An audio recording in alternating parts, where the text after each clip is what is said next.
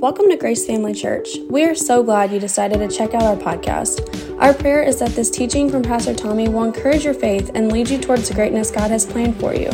Thanks again for listening. We hope you enjoy this message. Um, but hey, I wanted I want to apologize for my discombobulation on our announcements, if that's a word. Um, but want to make sure everybody got those right. And one of them we did have to get right. Um, the children are not going to Mill Mountain Zoo today because today's June 5th. They are going on Saturday, June 25th. All right, so you got a couple weeks to plan for that. Joe's going to be giving out some information about that. Um, you know, uh, I really thought about this being our 21st anniversary service about you know doing a specific message for this, but to be frank, I just um, no, I'm Tommy. I'm not Frank, but to be honest, no, let me lie to you. No. Um, how do I how do I dig into this now? Um, so I, I, really prayed about it. I just thought, you know, um, I never want our church to be about us, right? I never want our church to be about a church, a building, or, or, or anything. I always want what we do to be about Jesus and about who He is and everything He's provided for us and about meeting the needs of other people. And so, uh, thank God for 21 years, but I also thought about the fact that today is uh, if most of you don't know this, is Pentecost Sunday. Um, and uh, I will tell you that about seven weeks ago, um, just right after Easter Sunday, I was praying one morning and the Lord spoke to Martin. He said, Seven weeks till Pentecost. Um, and I, okay, um, what does that mean? Um, and I just felt like that, you know, there was this, this series that I'm teaching between, you know, it's titled The Space Between Amen and Hey, It's Here, would culminate on this Sunday. Uh, and we would talk about you know, um, in, directly and indirectly what happened on Pentecost Sunday. And so we're going to talk about that. But, you know, uh, to lead into it, I'll sort of set it up with what we've been talking about for those that may not have been here or you may have missed a couple of messages. We've really been talking about, you know, what, how do we conduct and live our lives between the space of amen when we actually uh, find a promise in God's Word or a hope in God's Word or a vision for our life and then the day that it actually begins to take place. Typically, what I've found from my own experience is that that space sometimes can be very quick and sometimes it can take time. And so, what do you do between that amen and hey, it's here? You know, what do you do between the spiritually high moments of your life? Maybe a Sunday morning where you've really been touched by heaven, and then the Monday morning when you got to go to work and deal with the dirty here and now. What do you do during those days? And so, what I've been talking about in this series are really the principles or the foundations that we must establish between amen and hey, it's here if we ever want to get to hey, it's here. And really, if we ever want to prove out in ourselves the mettle and the wherewithal to show that we really are a disciple of Jesus and not just a fair weather friend of Jesus, right? And so, uh, and so we've been using Isaiah chapter 28 and verse 16 as our opening text. And so we'll read that, then we'll pray. And I'll just believe that the Lord uh, helps me get through what He wants to get across to you all today. Isaiah chapter 28 and verse 16 says, So this is what the sovereign Lord says See, I lay a stone in Zion, a tested stone, a precious cornerstone for a sure foundation. The one who trusts will never be dismayed. Let's pray before we get started. Father, Thank you so much for your word. Thank you so much for 21 years of faithfulness in this church and through the lives of others that have come and gone. We just thank you for everything. And, and those that are here now, we just thank you for everything you've done. Uh, and we thank you for everything you're going to do that you're not done yet. And so I pray this morning that your spirit would rest upon me and anoint me to speak your truth to your people.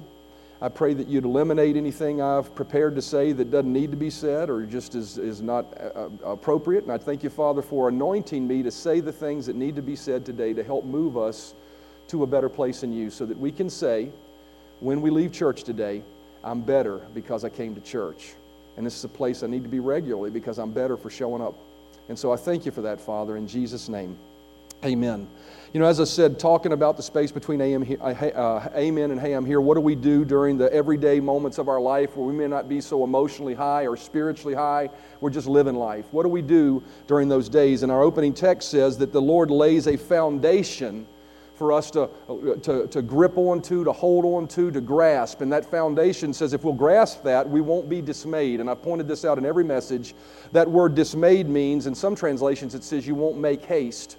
And what that means is, is if you have the foundations established in your life, you won't be easily shaken. You won't run away from your commitment to the Lord. You won't run away from your grasp on a promise that He's given you. And so, what are those foundations that need to be established? We've been talking about those, and I'm going to hit them real quickly and get to this last one. Number one, and I said these foundations are not minuscule things. They may be very elementary things that we would be like, oh, yeah, I need to do that. But they need to be revived in our lives and established in our lives as something that is a mainstay of who we are. They're critical things uh, in, in, our, in our Christian life and our discipleship and following of Christ. It says, in, and so well, what was the first foundation we pointed out? We said we need to allow God's Word to be our truth source in everything. And what we meant by that was that every opinion, every experience, everything in our life, every feeling that we have, it must bend itself to the truth of God's Word. Because at the end of the day, heaven and earth will pass away, but God's word will stand forever. Public opinion will pass away. Wokeness will pass away, but the word of God will stand forever. And so we must embrace what God's word says is about the way we should believe, act, and, and approach life. Number two, we said that uh, uh, number two foundation is, is that God should, God, the goodness of God should always be our true north. That no matter what we're going through, no matter what we're facing, we should never point the finger of blame at God and said, I'm going through this because of Him. You know, there's some people that teach that, right? God's giving you a hard time to try to teach you something. But the bad things in life, the Bible says, Jesus said, I came to give you life and give it to you more abundantly. The thief comes to steal, kill, and destroy. So when bad things happen in your life, don't try to figure out some cosmic, mysterious way that God's trying to teach you something. Just recognize that it's an attack from the enemy or it's a mistake you've made in your life that's created some hardship, uh, but God is a good God and He's there to help you out of it. Amen? Always allow the goodness of God to be your true north, to pull you back to say, wait a minute, I don't care what I'm going through. God is good and He's going to help me with this. Amen? Number three, we pointed out that we need to let the lo- our love for God and our love for others be the motive of our life. We shouldn't serve God for what we can get out of Him. We shouldn't uh, do things for others for what they can do for us. Our motive in life should be very much I serve God because I simply love Him. And if I got nothing else from Him other than the fact that He died on a cross for me, then man, I'm going to serve Jesus with all of my heart. Amen? That should be our motive. And I'm going to do that, have that same attitude with others. I'm going to love them because God loves them. And in spite of how they treat me, I'm going to do my best to show them love and forgiveness and mercy and all those things that Jesus taught us. Amen? Number four, we said that we need to be a giver and a soul winner. We need to be a giver and a soul winner in life. You know, and we said you know, basically this that we want to reject a stingy spirit and live from a generous spirit. And what I mean by stingy, we're not just talking about money, we're talking about the way we live our life. That we don't need to be people that are protecting and, and fighting for our own. We need to be people that are looking for opportunities to always be a blessing.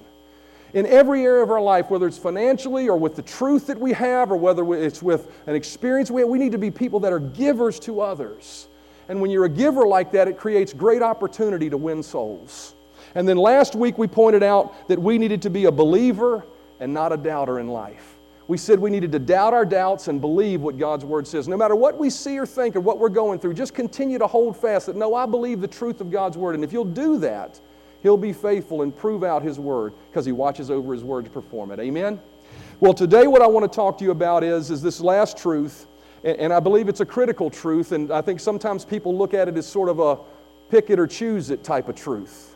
But it is a critical truth that we must all embrace, and it is simply this that we must know, we must be led by, and we must be filled with the Holy Spirit. We must know, we must be led by, and filled with the Holy Spirit. In John chapter 14, verse 16 and 17, Jesus said these words He said, And I will pray the Father, and he will give you another helper, that he may abide with you forever the Spirit of truth, whom the world cannot receive because it neither sees him or knows him. But you know him, for he dwells with you and will be in you. Jesus told us that he would go away after his resurrection and he would send us a helper. This helper he called the Spirit of truth.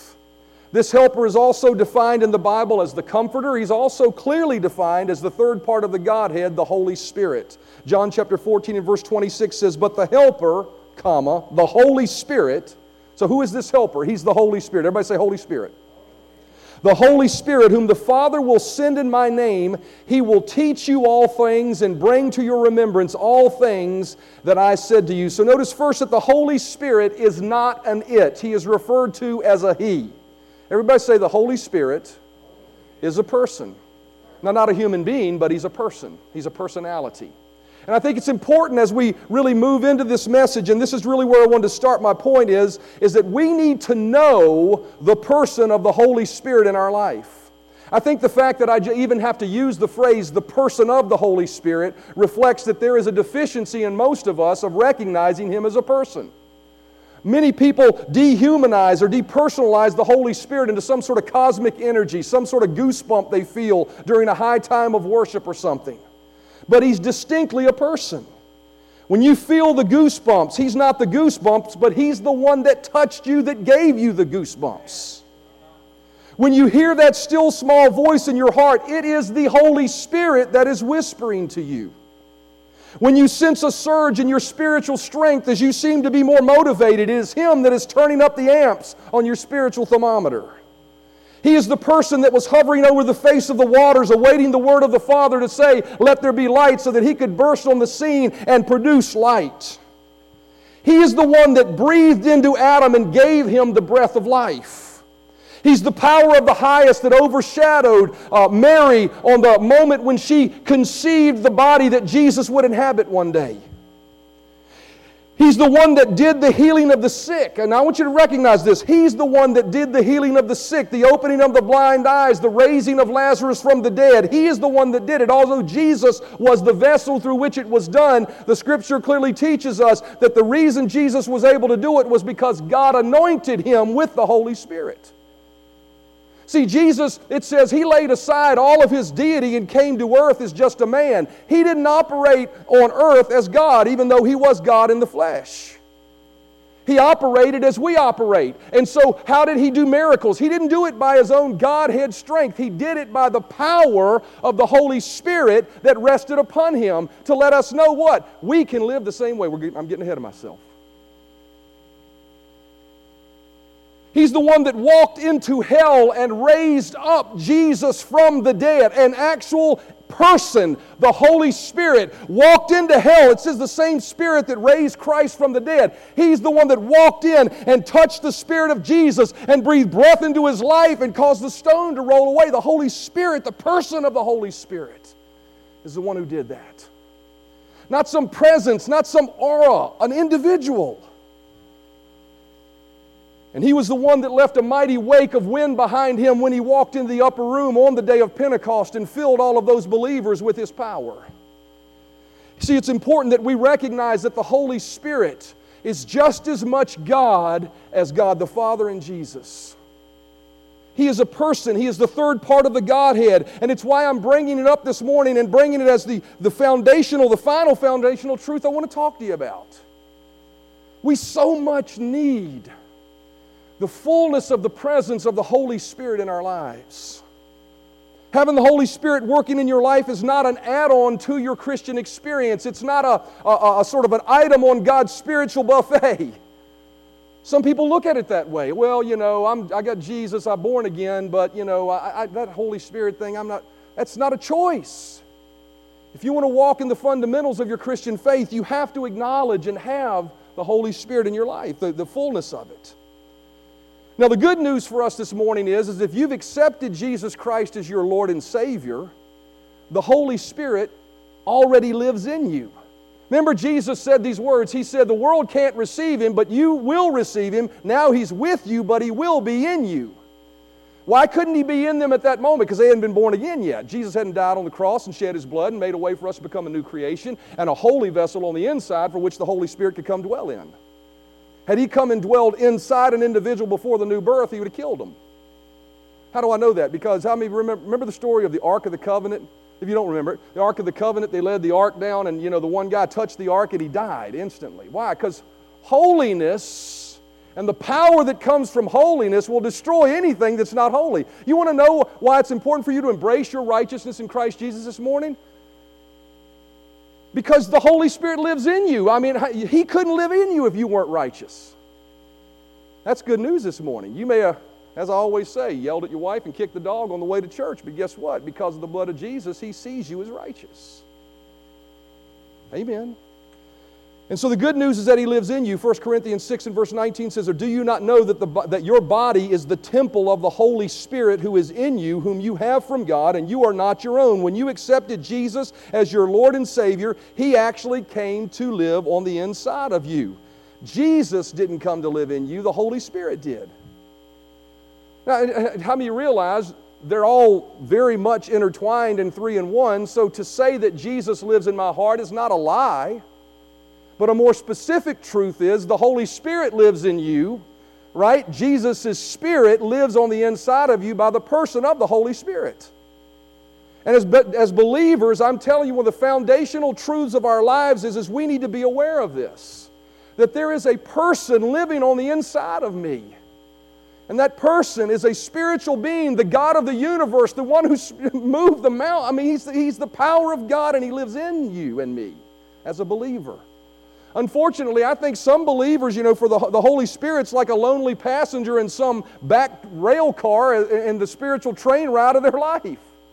Just riding along, you know, waiting to be acknowledged, waiting to be leaned upon, waiting to be acknowledged on a day to day basis. I'd encourage you over the course of this week, a little spiritual homework.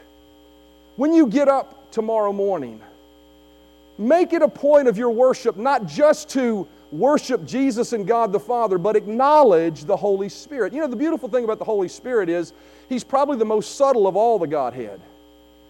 Because the Jesus even told us he won't speak of his own, he'll speak of me. But if you want to learn more about Jesus than you, want to, than you know about Jesus, and I would tell you something, acknowledge the Holy Spirit so he can speak of Jesus to you. Right? We need to have the fullness of the Holy Spirit in our life, and so I'd encourage you to do that. Now, why do we need Him in our lives? Well, it's real simple. It's simply this because He's sent to help you. Everybody say, The Holy Spirit is sent to help me. John chapter 16 and verse 7 says, Nevertheless, I tell you the truth, it is to your advantage that I go away. For if I do not go away, the Helper will not come to you, but if I depart, I will send him to you. Now, that's a profound statement. And it would often, I think, if anybody really took the time to digest what Jesus just said there, it would rock the foundation of a lot of people uh, and, and realize that they, they may have been focusing their attention somewhat on the wrong thing. See, Jesus said, I'm telling you, it's important for me to go away from you so I can give you someone else. Jesus said those words. It's to your advantage. So what he's saying is, is at this point in eternity, at this point in your walk with Christ, and this point in the plan of God and the fruition of that coming to pass one day, it is critical and it's to your advantage if I go away so I can send you the actual Holy Spirit. See, you know, I, I would never ever, how many of you realize God is the Father, the Son, the Holy Spirit, three in one. And so I never want a message like this to come across as diminishing the Father or diminishing our focus on the Lamb of God who who shed his blood to forgive us, right? But I do want to stress the importance of elevating in your life the acknowledgement of the Holy Spirit to the same level you would acknowledge the other two.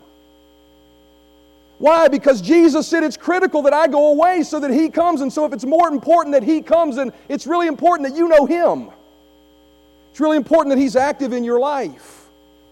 And what I found to be true, though, is the Holy Spirit is a perfect gentleman. I've found this to be true in my life. You know, there are some churches where people are afraid to come to them when they talk about the Holy Spirit because they're afraid you know, the Holy Spirit's going to grab them by the nape of the neck and yank them around, make them run around the church and scream like crazy. The Holy Spirit will never do anything in your life outside of what you open the door and allow Him to do through you. He's a gentleman. He, he's an absolute gentleman. Jesus even said of himself, Behold, I stand at the door and knock. If any man opens his heart, I will come in. What's the, what's the key factor? You've got to open your heart. So, for the Holy Spirit to move in His fullness in your life, you've got to have a sensitivity that says, Holy Spirit, I acknowledge you live in me, so I am going to be sensitive to you in my life.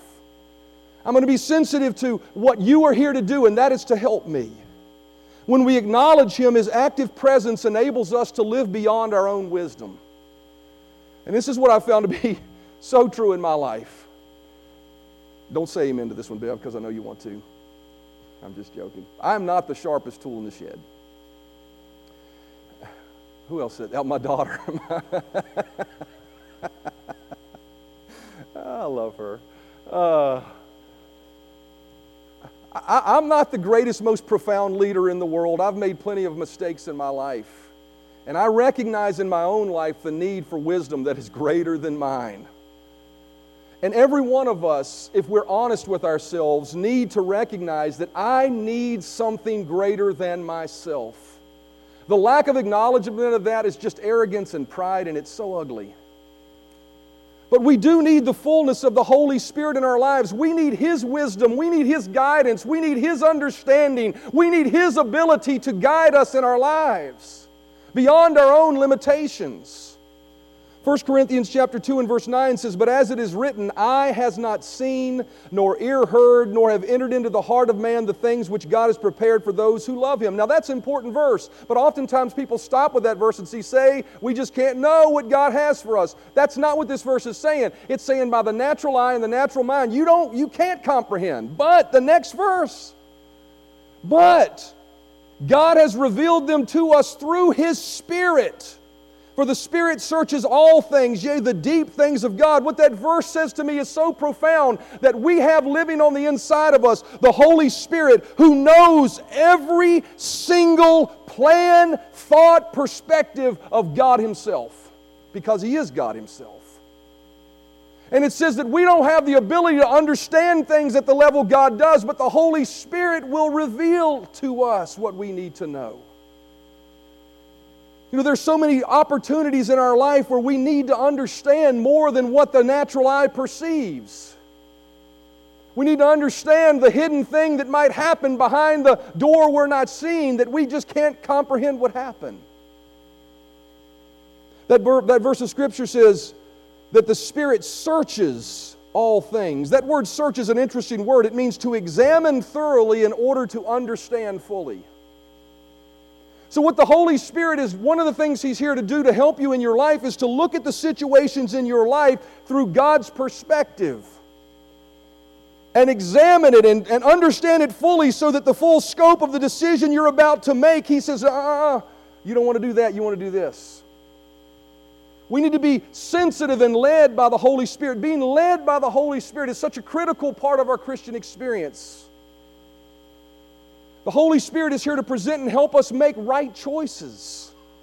See, John 16, 13 says, But when He, the Spirit of truth, comes, He will guide you into all truth. That's not just talking about guiding you into the truth of God's Word. That word truth, actually, in the um, Vine's Concordance, says this it says it's truth, but not merely truth as a spoken truth but truth of idea, reality, sincerity, truth in the moral sphere, divine truth revealed to man, straightforwardness, the opposite of illusion. See, what the Holy Spirit is there to do is to help you avoid the illusions of life. There is a way that seems right unto man, but the end thereof are the ways of death. He is there to help you avoid the ways of death and destruction. He's there to show you that this is the right way to go. How does He do that? We're going to talk about that in a moment.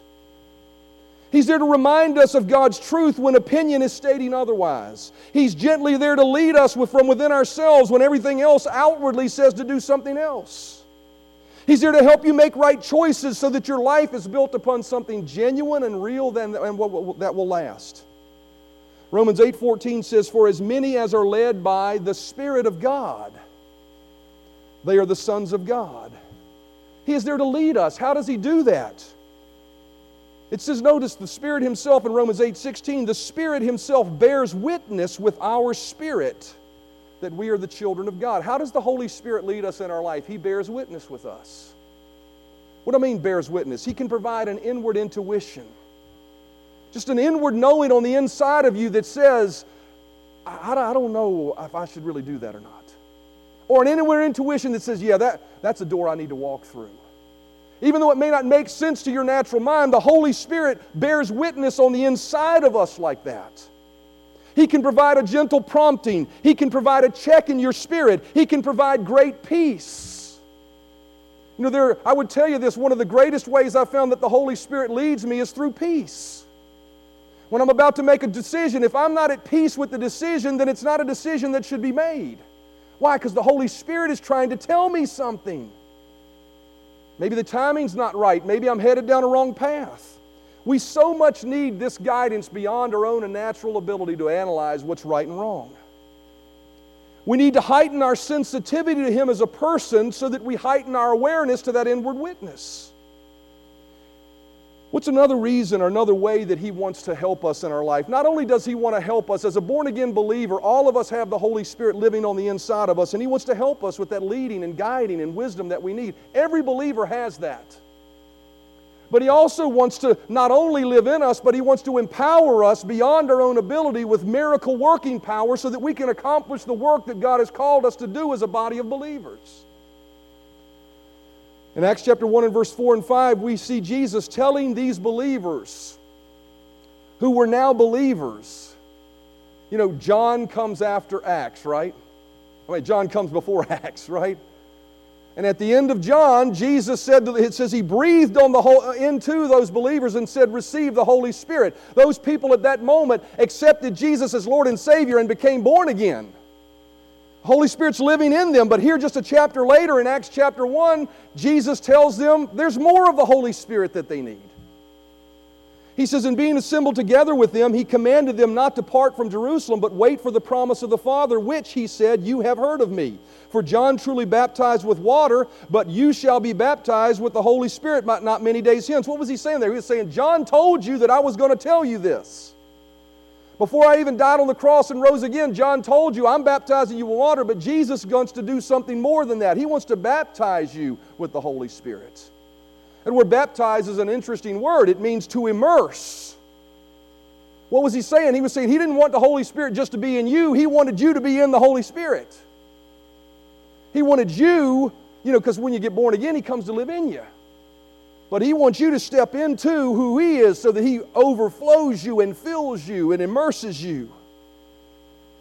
Verse 8, he says, But you shall receive power. Everybody say power you shall receive power when the Holy Spirit comes upon you, and you shall be witnesses to me in Jerusalem and all Judea and Samaria and to the ends of the earth. He said, when he says, I want you to go to Jerusalem because I, there's power I need to give you that you don't have. He says, There's actually power you don't have yet. What kind of power? Well, that word power is the word special miracle working ability. That's what, if you look it up, that's what it means.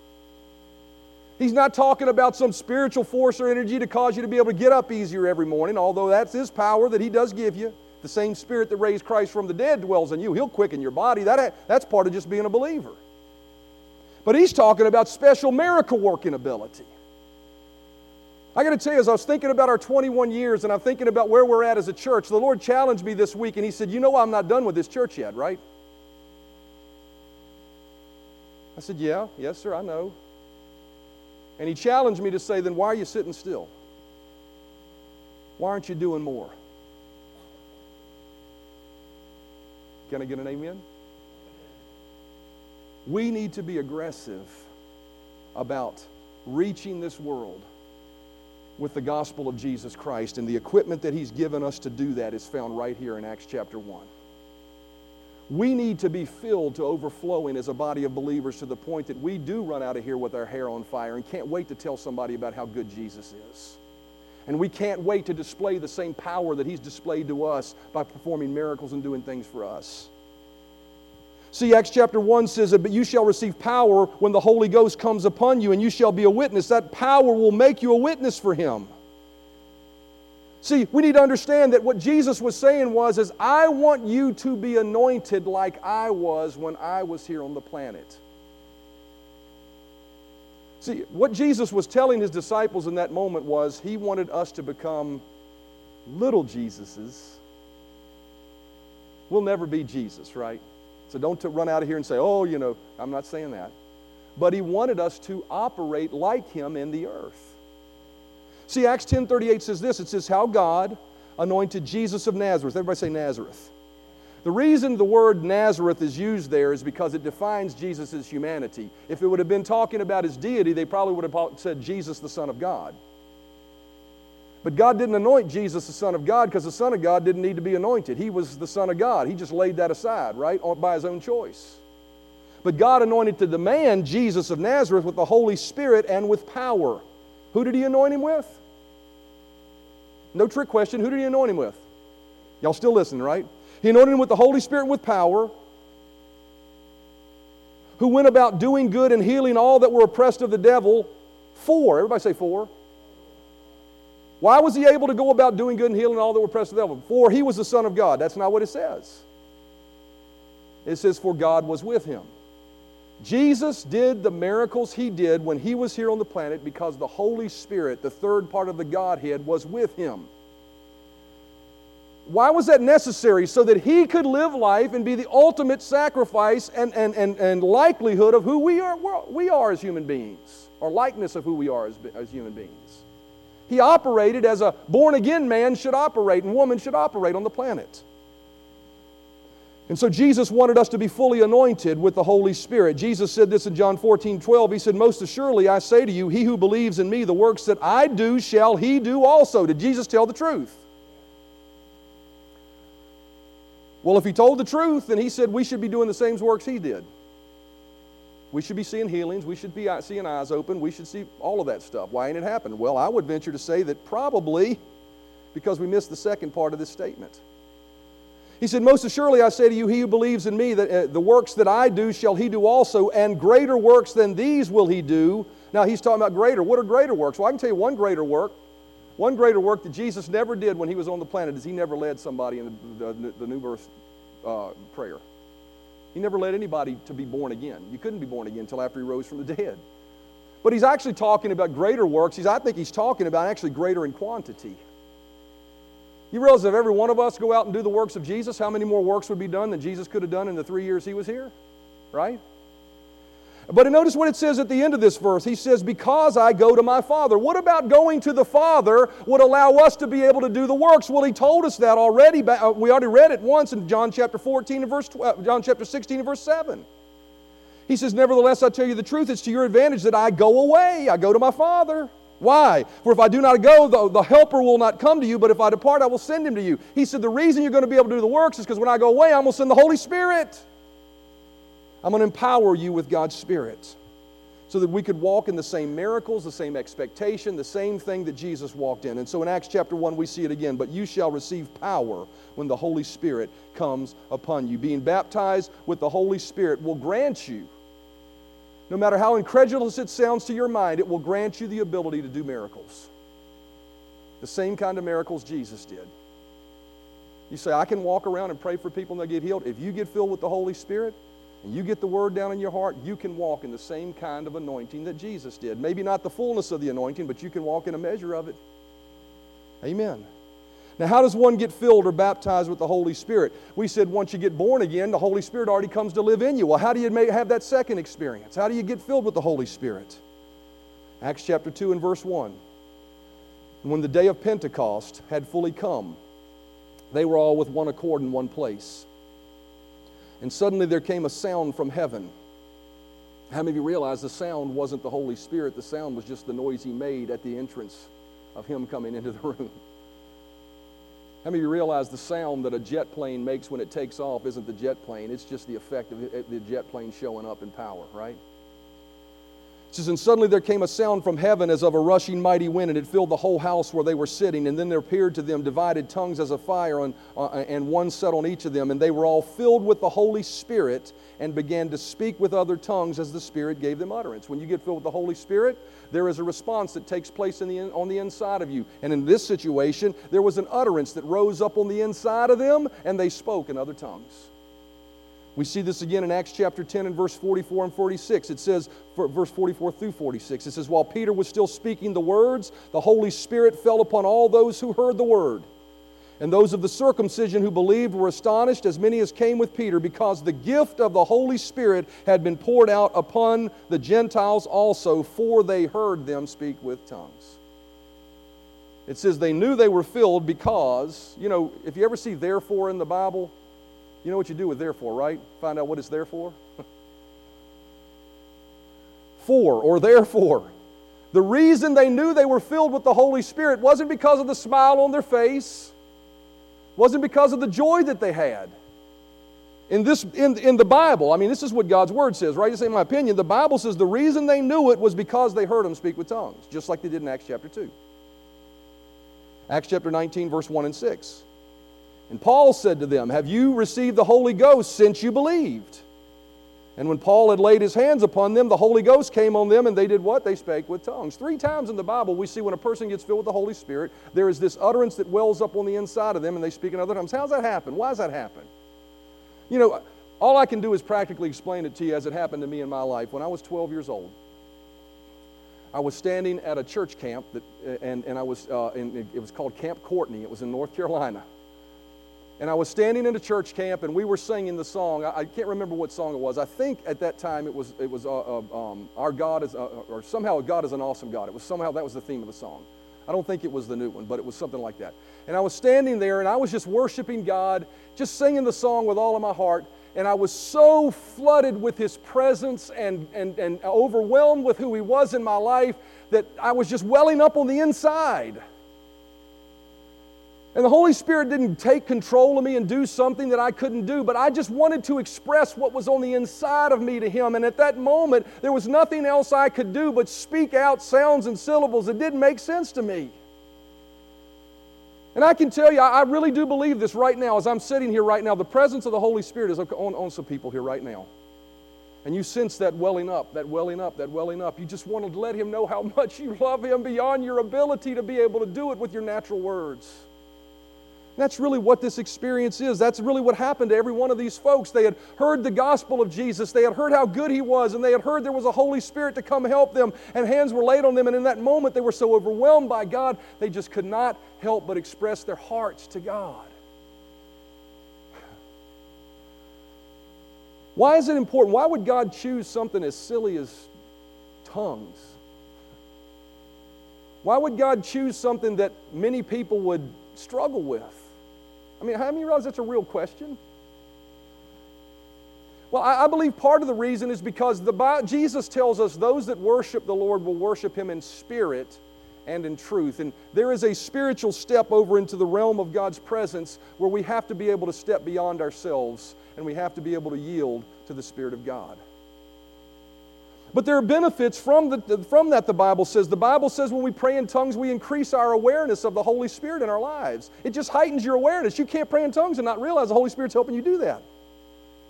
It inspires your faith. Jude says that when you pray in the Holy Ghost, it builds up your most holy faith. It allows you to pray beyond your own understanding. The Bible says sometimes we don't know how to pray as we ought, but the Holy Spirit helps us with groans which cannot be uttered in articulate speech in Romans 8 26. When you don't know how to pray about something and you're at a loss for it, how do you pray for it? I, I got to tell you, the best example I've seen of this is I used to travel and, uh, and, and preach all over the East Coast and, and got some to the West, but mostly East Coast and the South.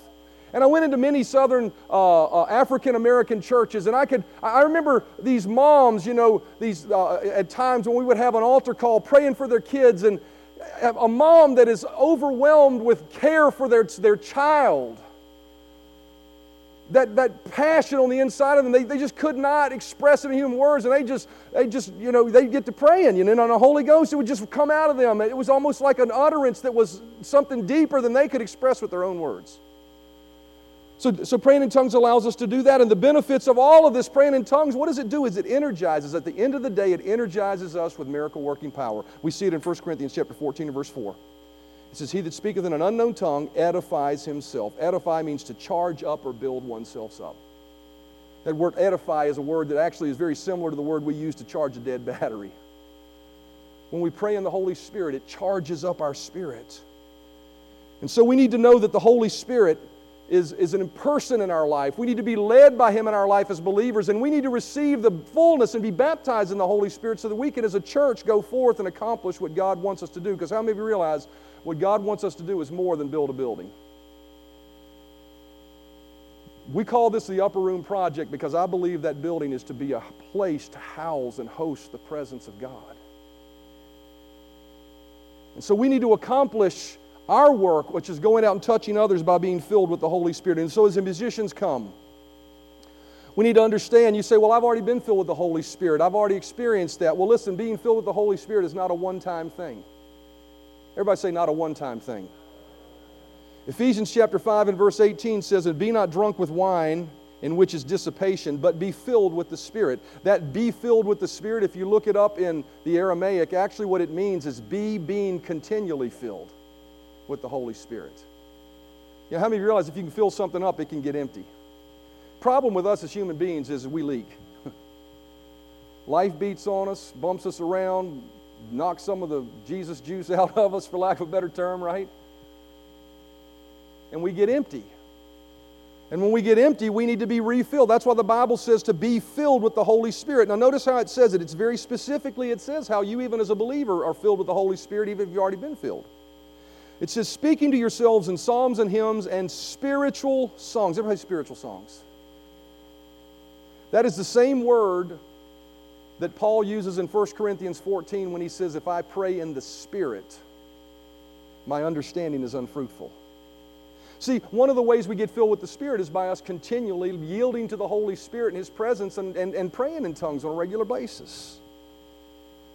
And so today, on Pentecost Sunday, which just happens to be our 21st anniversary, I believe God wants us to acknowledge the Holy Spirit in our life. Am I going to have a huge altar call and have people down here to be filled with the Holy Spirit? If you want to be filled with the Holy Spirit, you don't need me to lay hands on you because He didn't do. I didn't have to have my hands laid on me. What I want to do to conclude this service before we break and go enjoy each other's company and thank God for the 21 years we have and enjoy the good cooking that Willie's done and everybody else has done is I want us just to take a moment to acknowledge the presence and person of the Holy Spirit in your life. Just be open to Him. Just open your heart to worship Him. Second Chronicles chapter 5 and verse 11 says that when we take moments to honor God and worship Him, the Spirit of God shows up in mighty ways.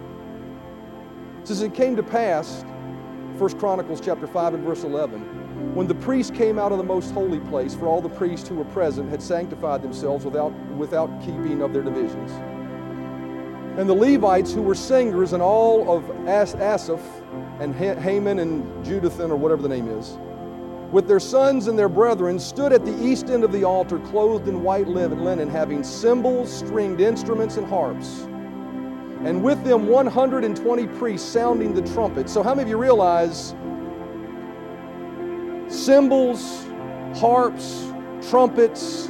How many realize that wasn't some reserved type of little worship? They were letting it go, man.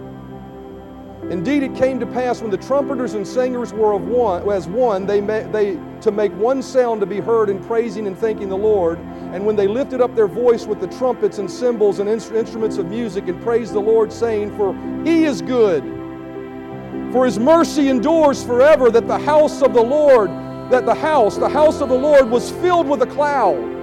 How many of you realize the cloud wasn't the Holy Spirit? The Holy Spirit showed up, and the cloud was just the manifestation of His presence so that the priest could not continue to minister because of the cloud, for the glory of the Lord filled the house. When we put our hearts into our worship and we say, Holy Spirit, we welcome you here. We invite your presence to be amongst us. We open our hearts up to not only experience the one who lives in us, but to be filled and baptized afresh with the one who wants to fall upon us.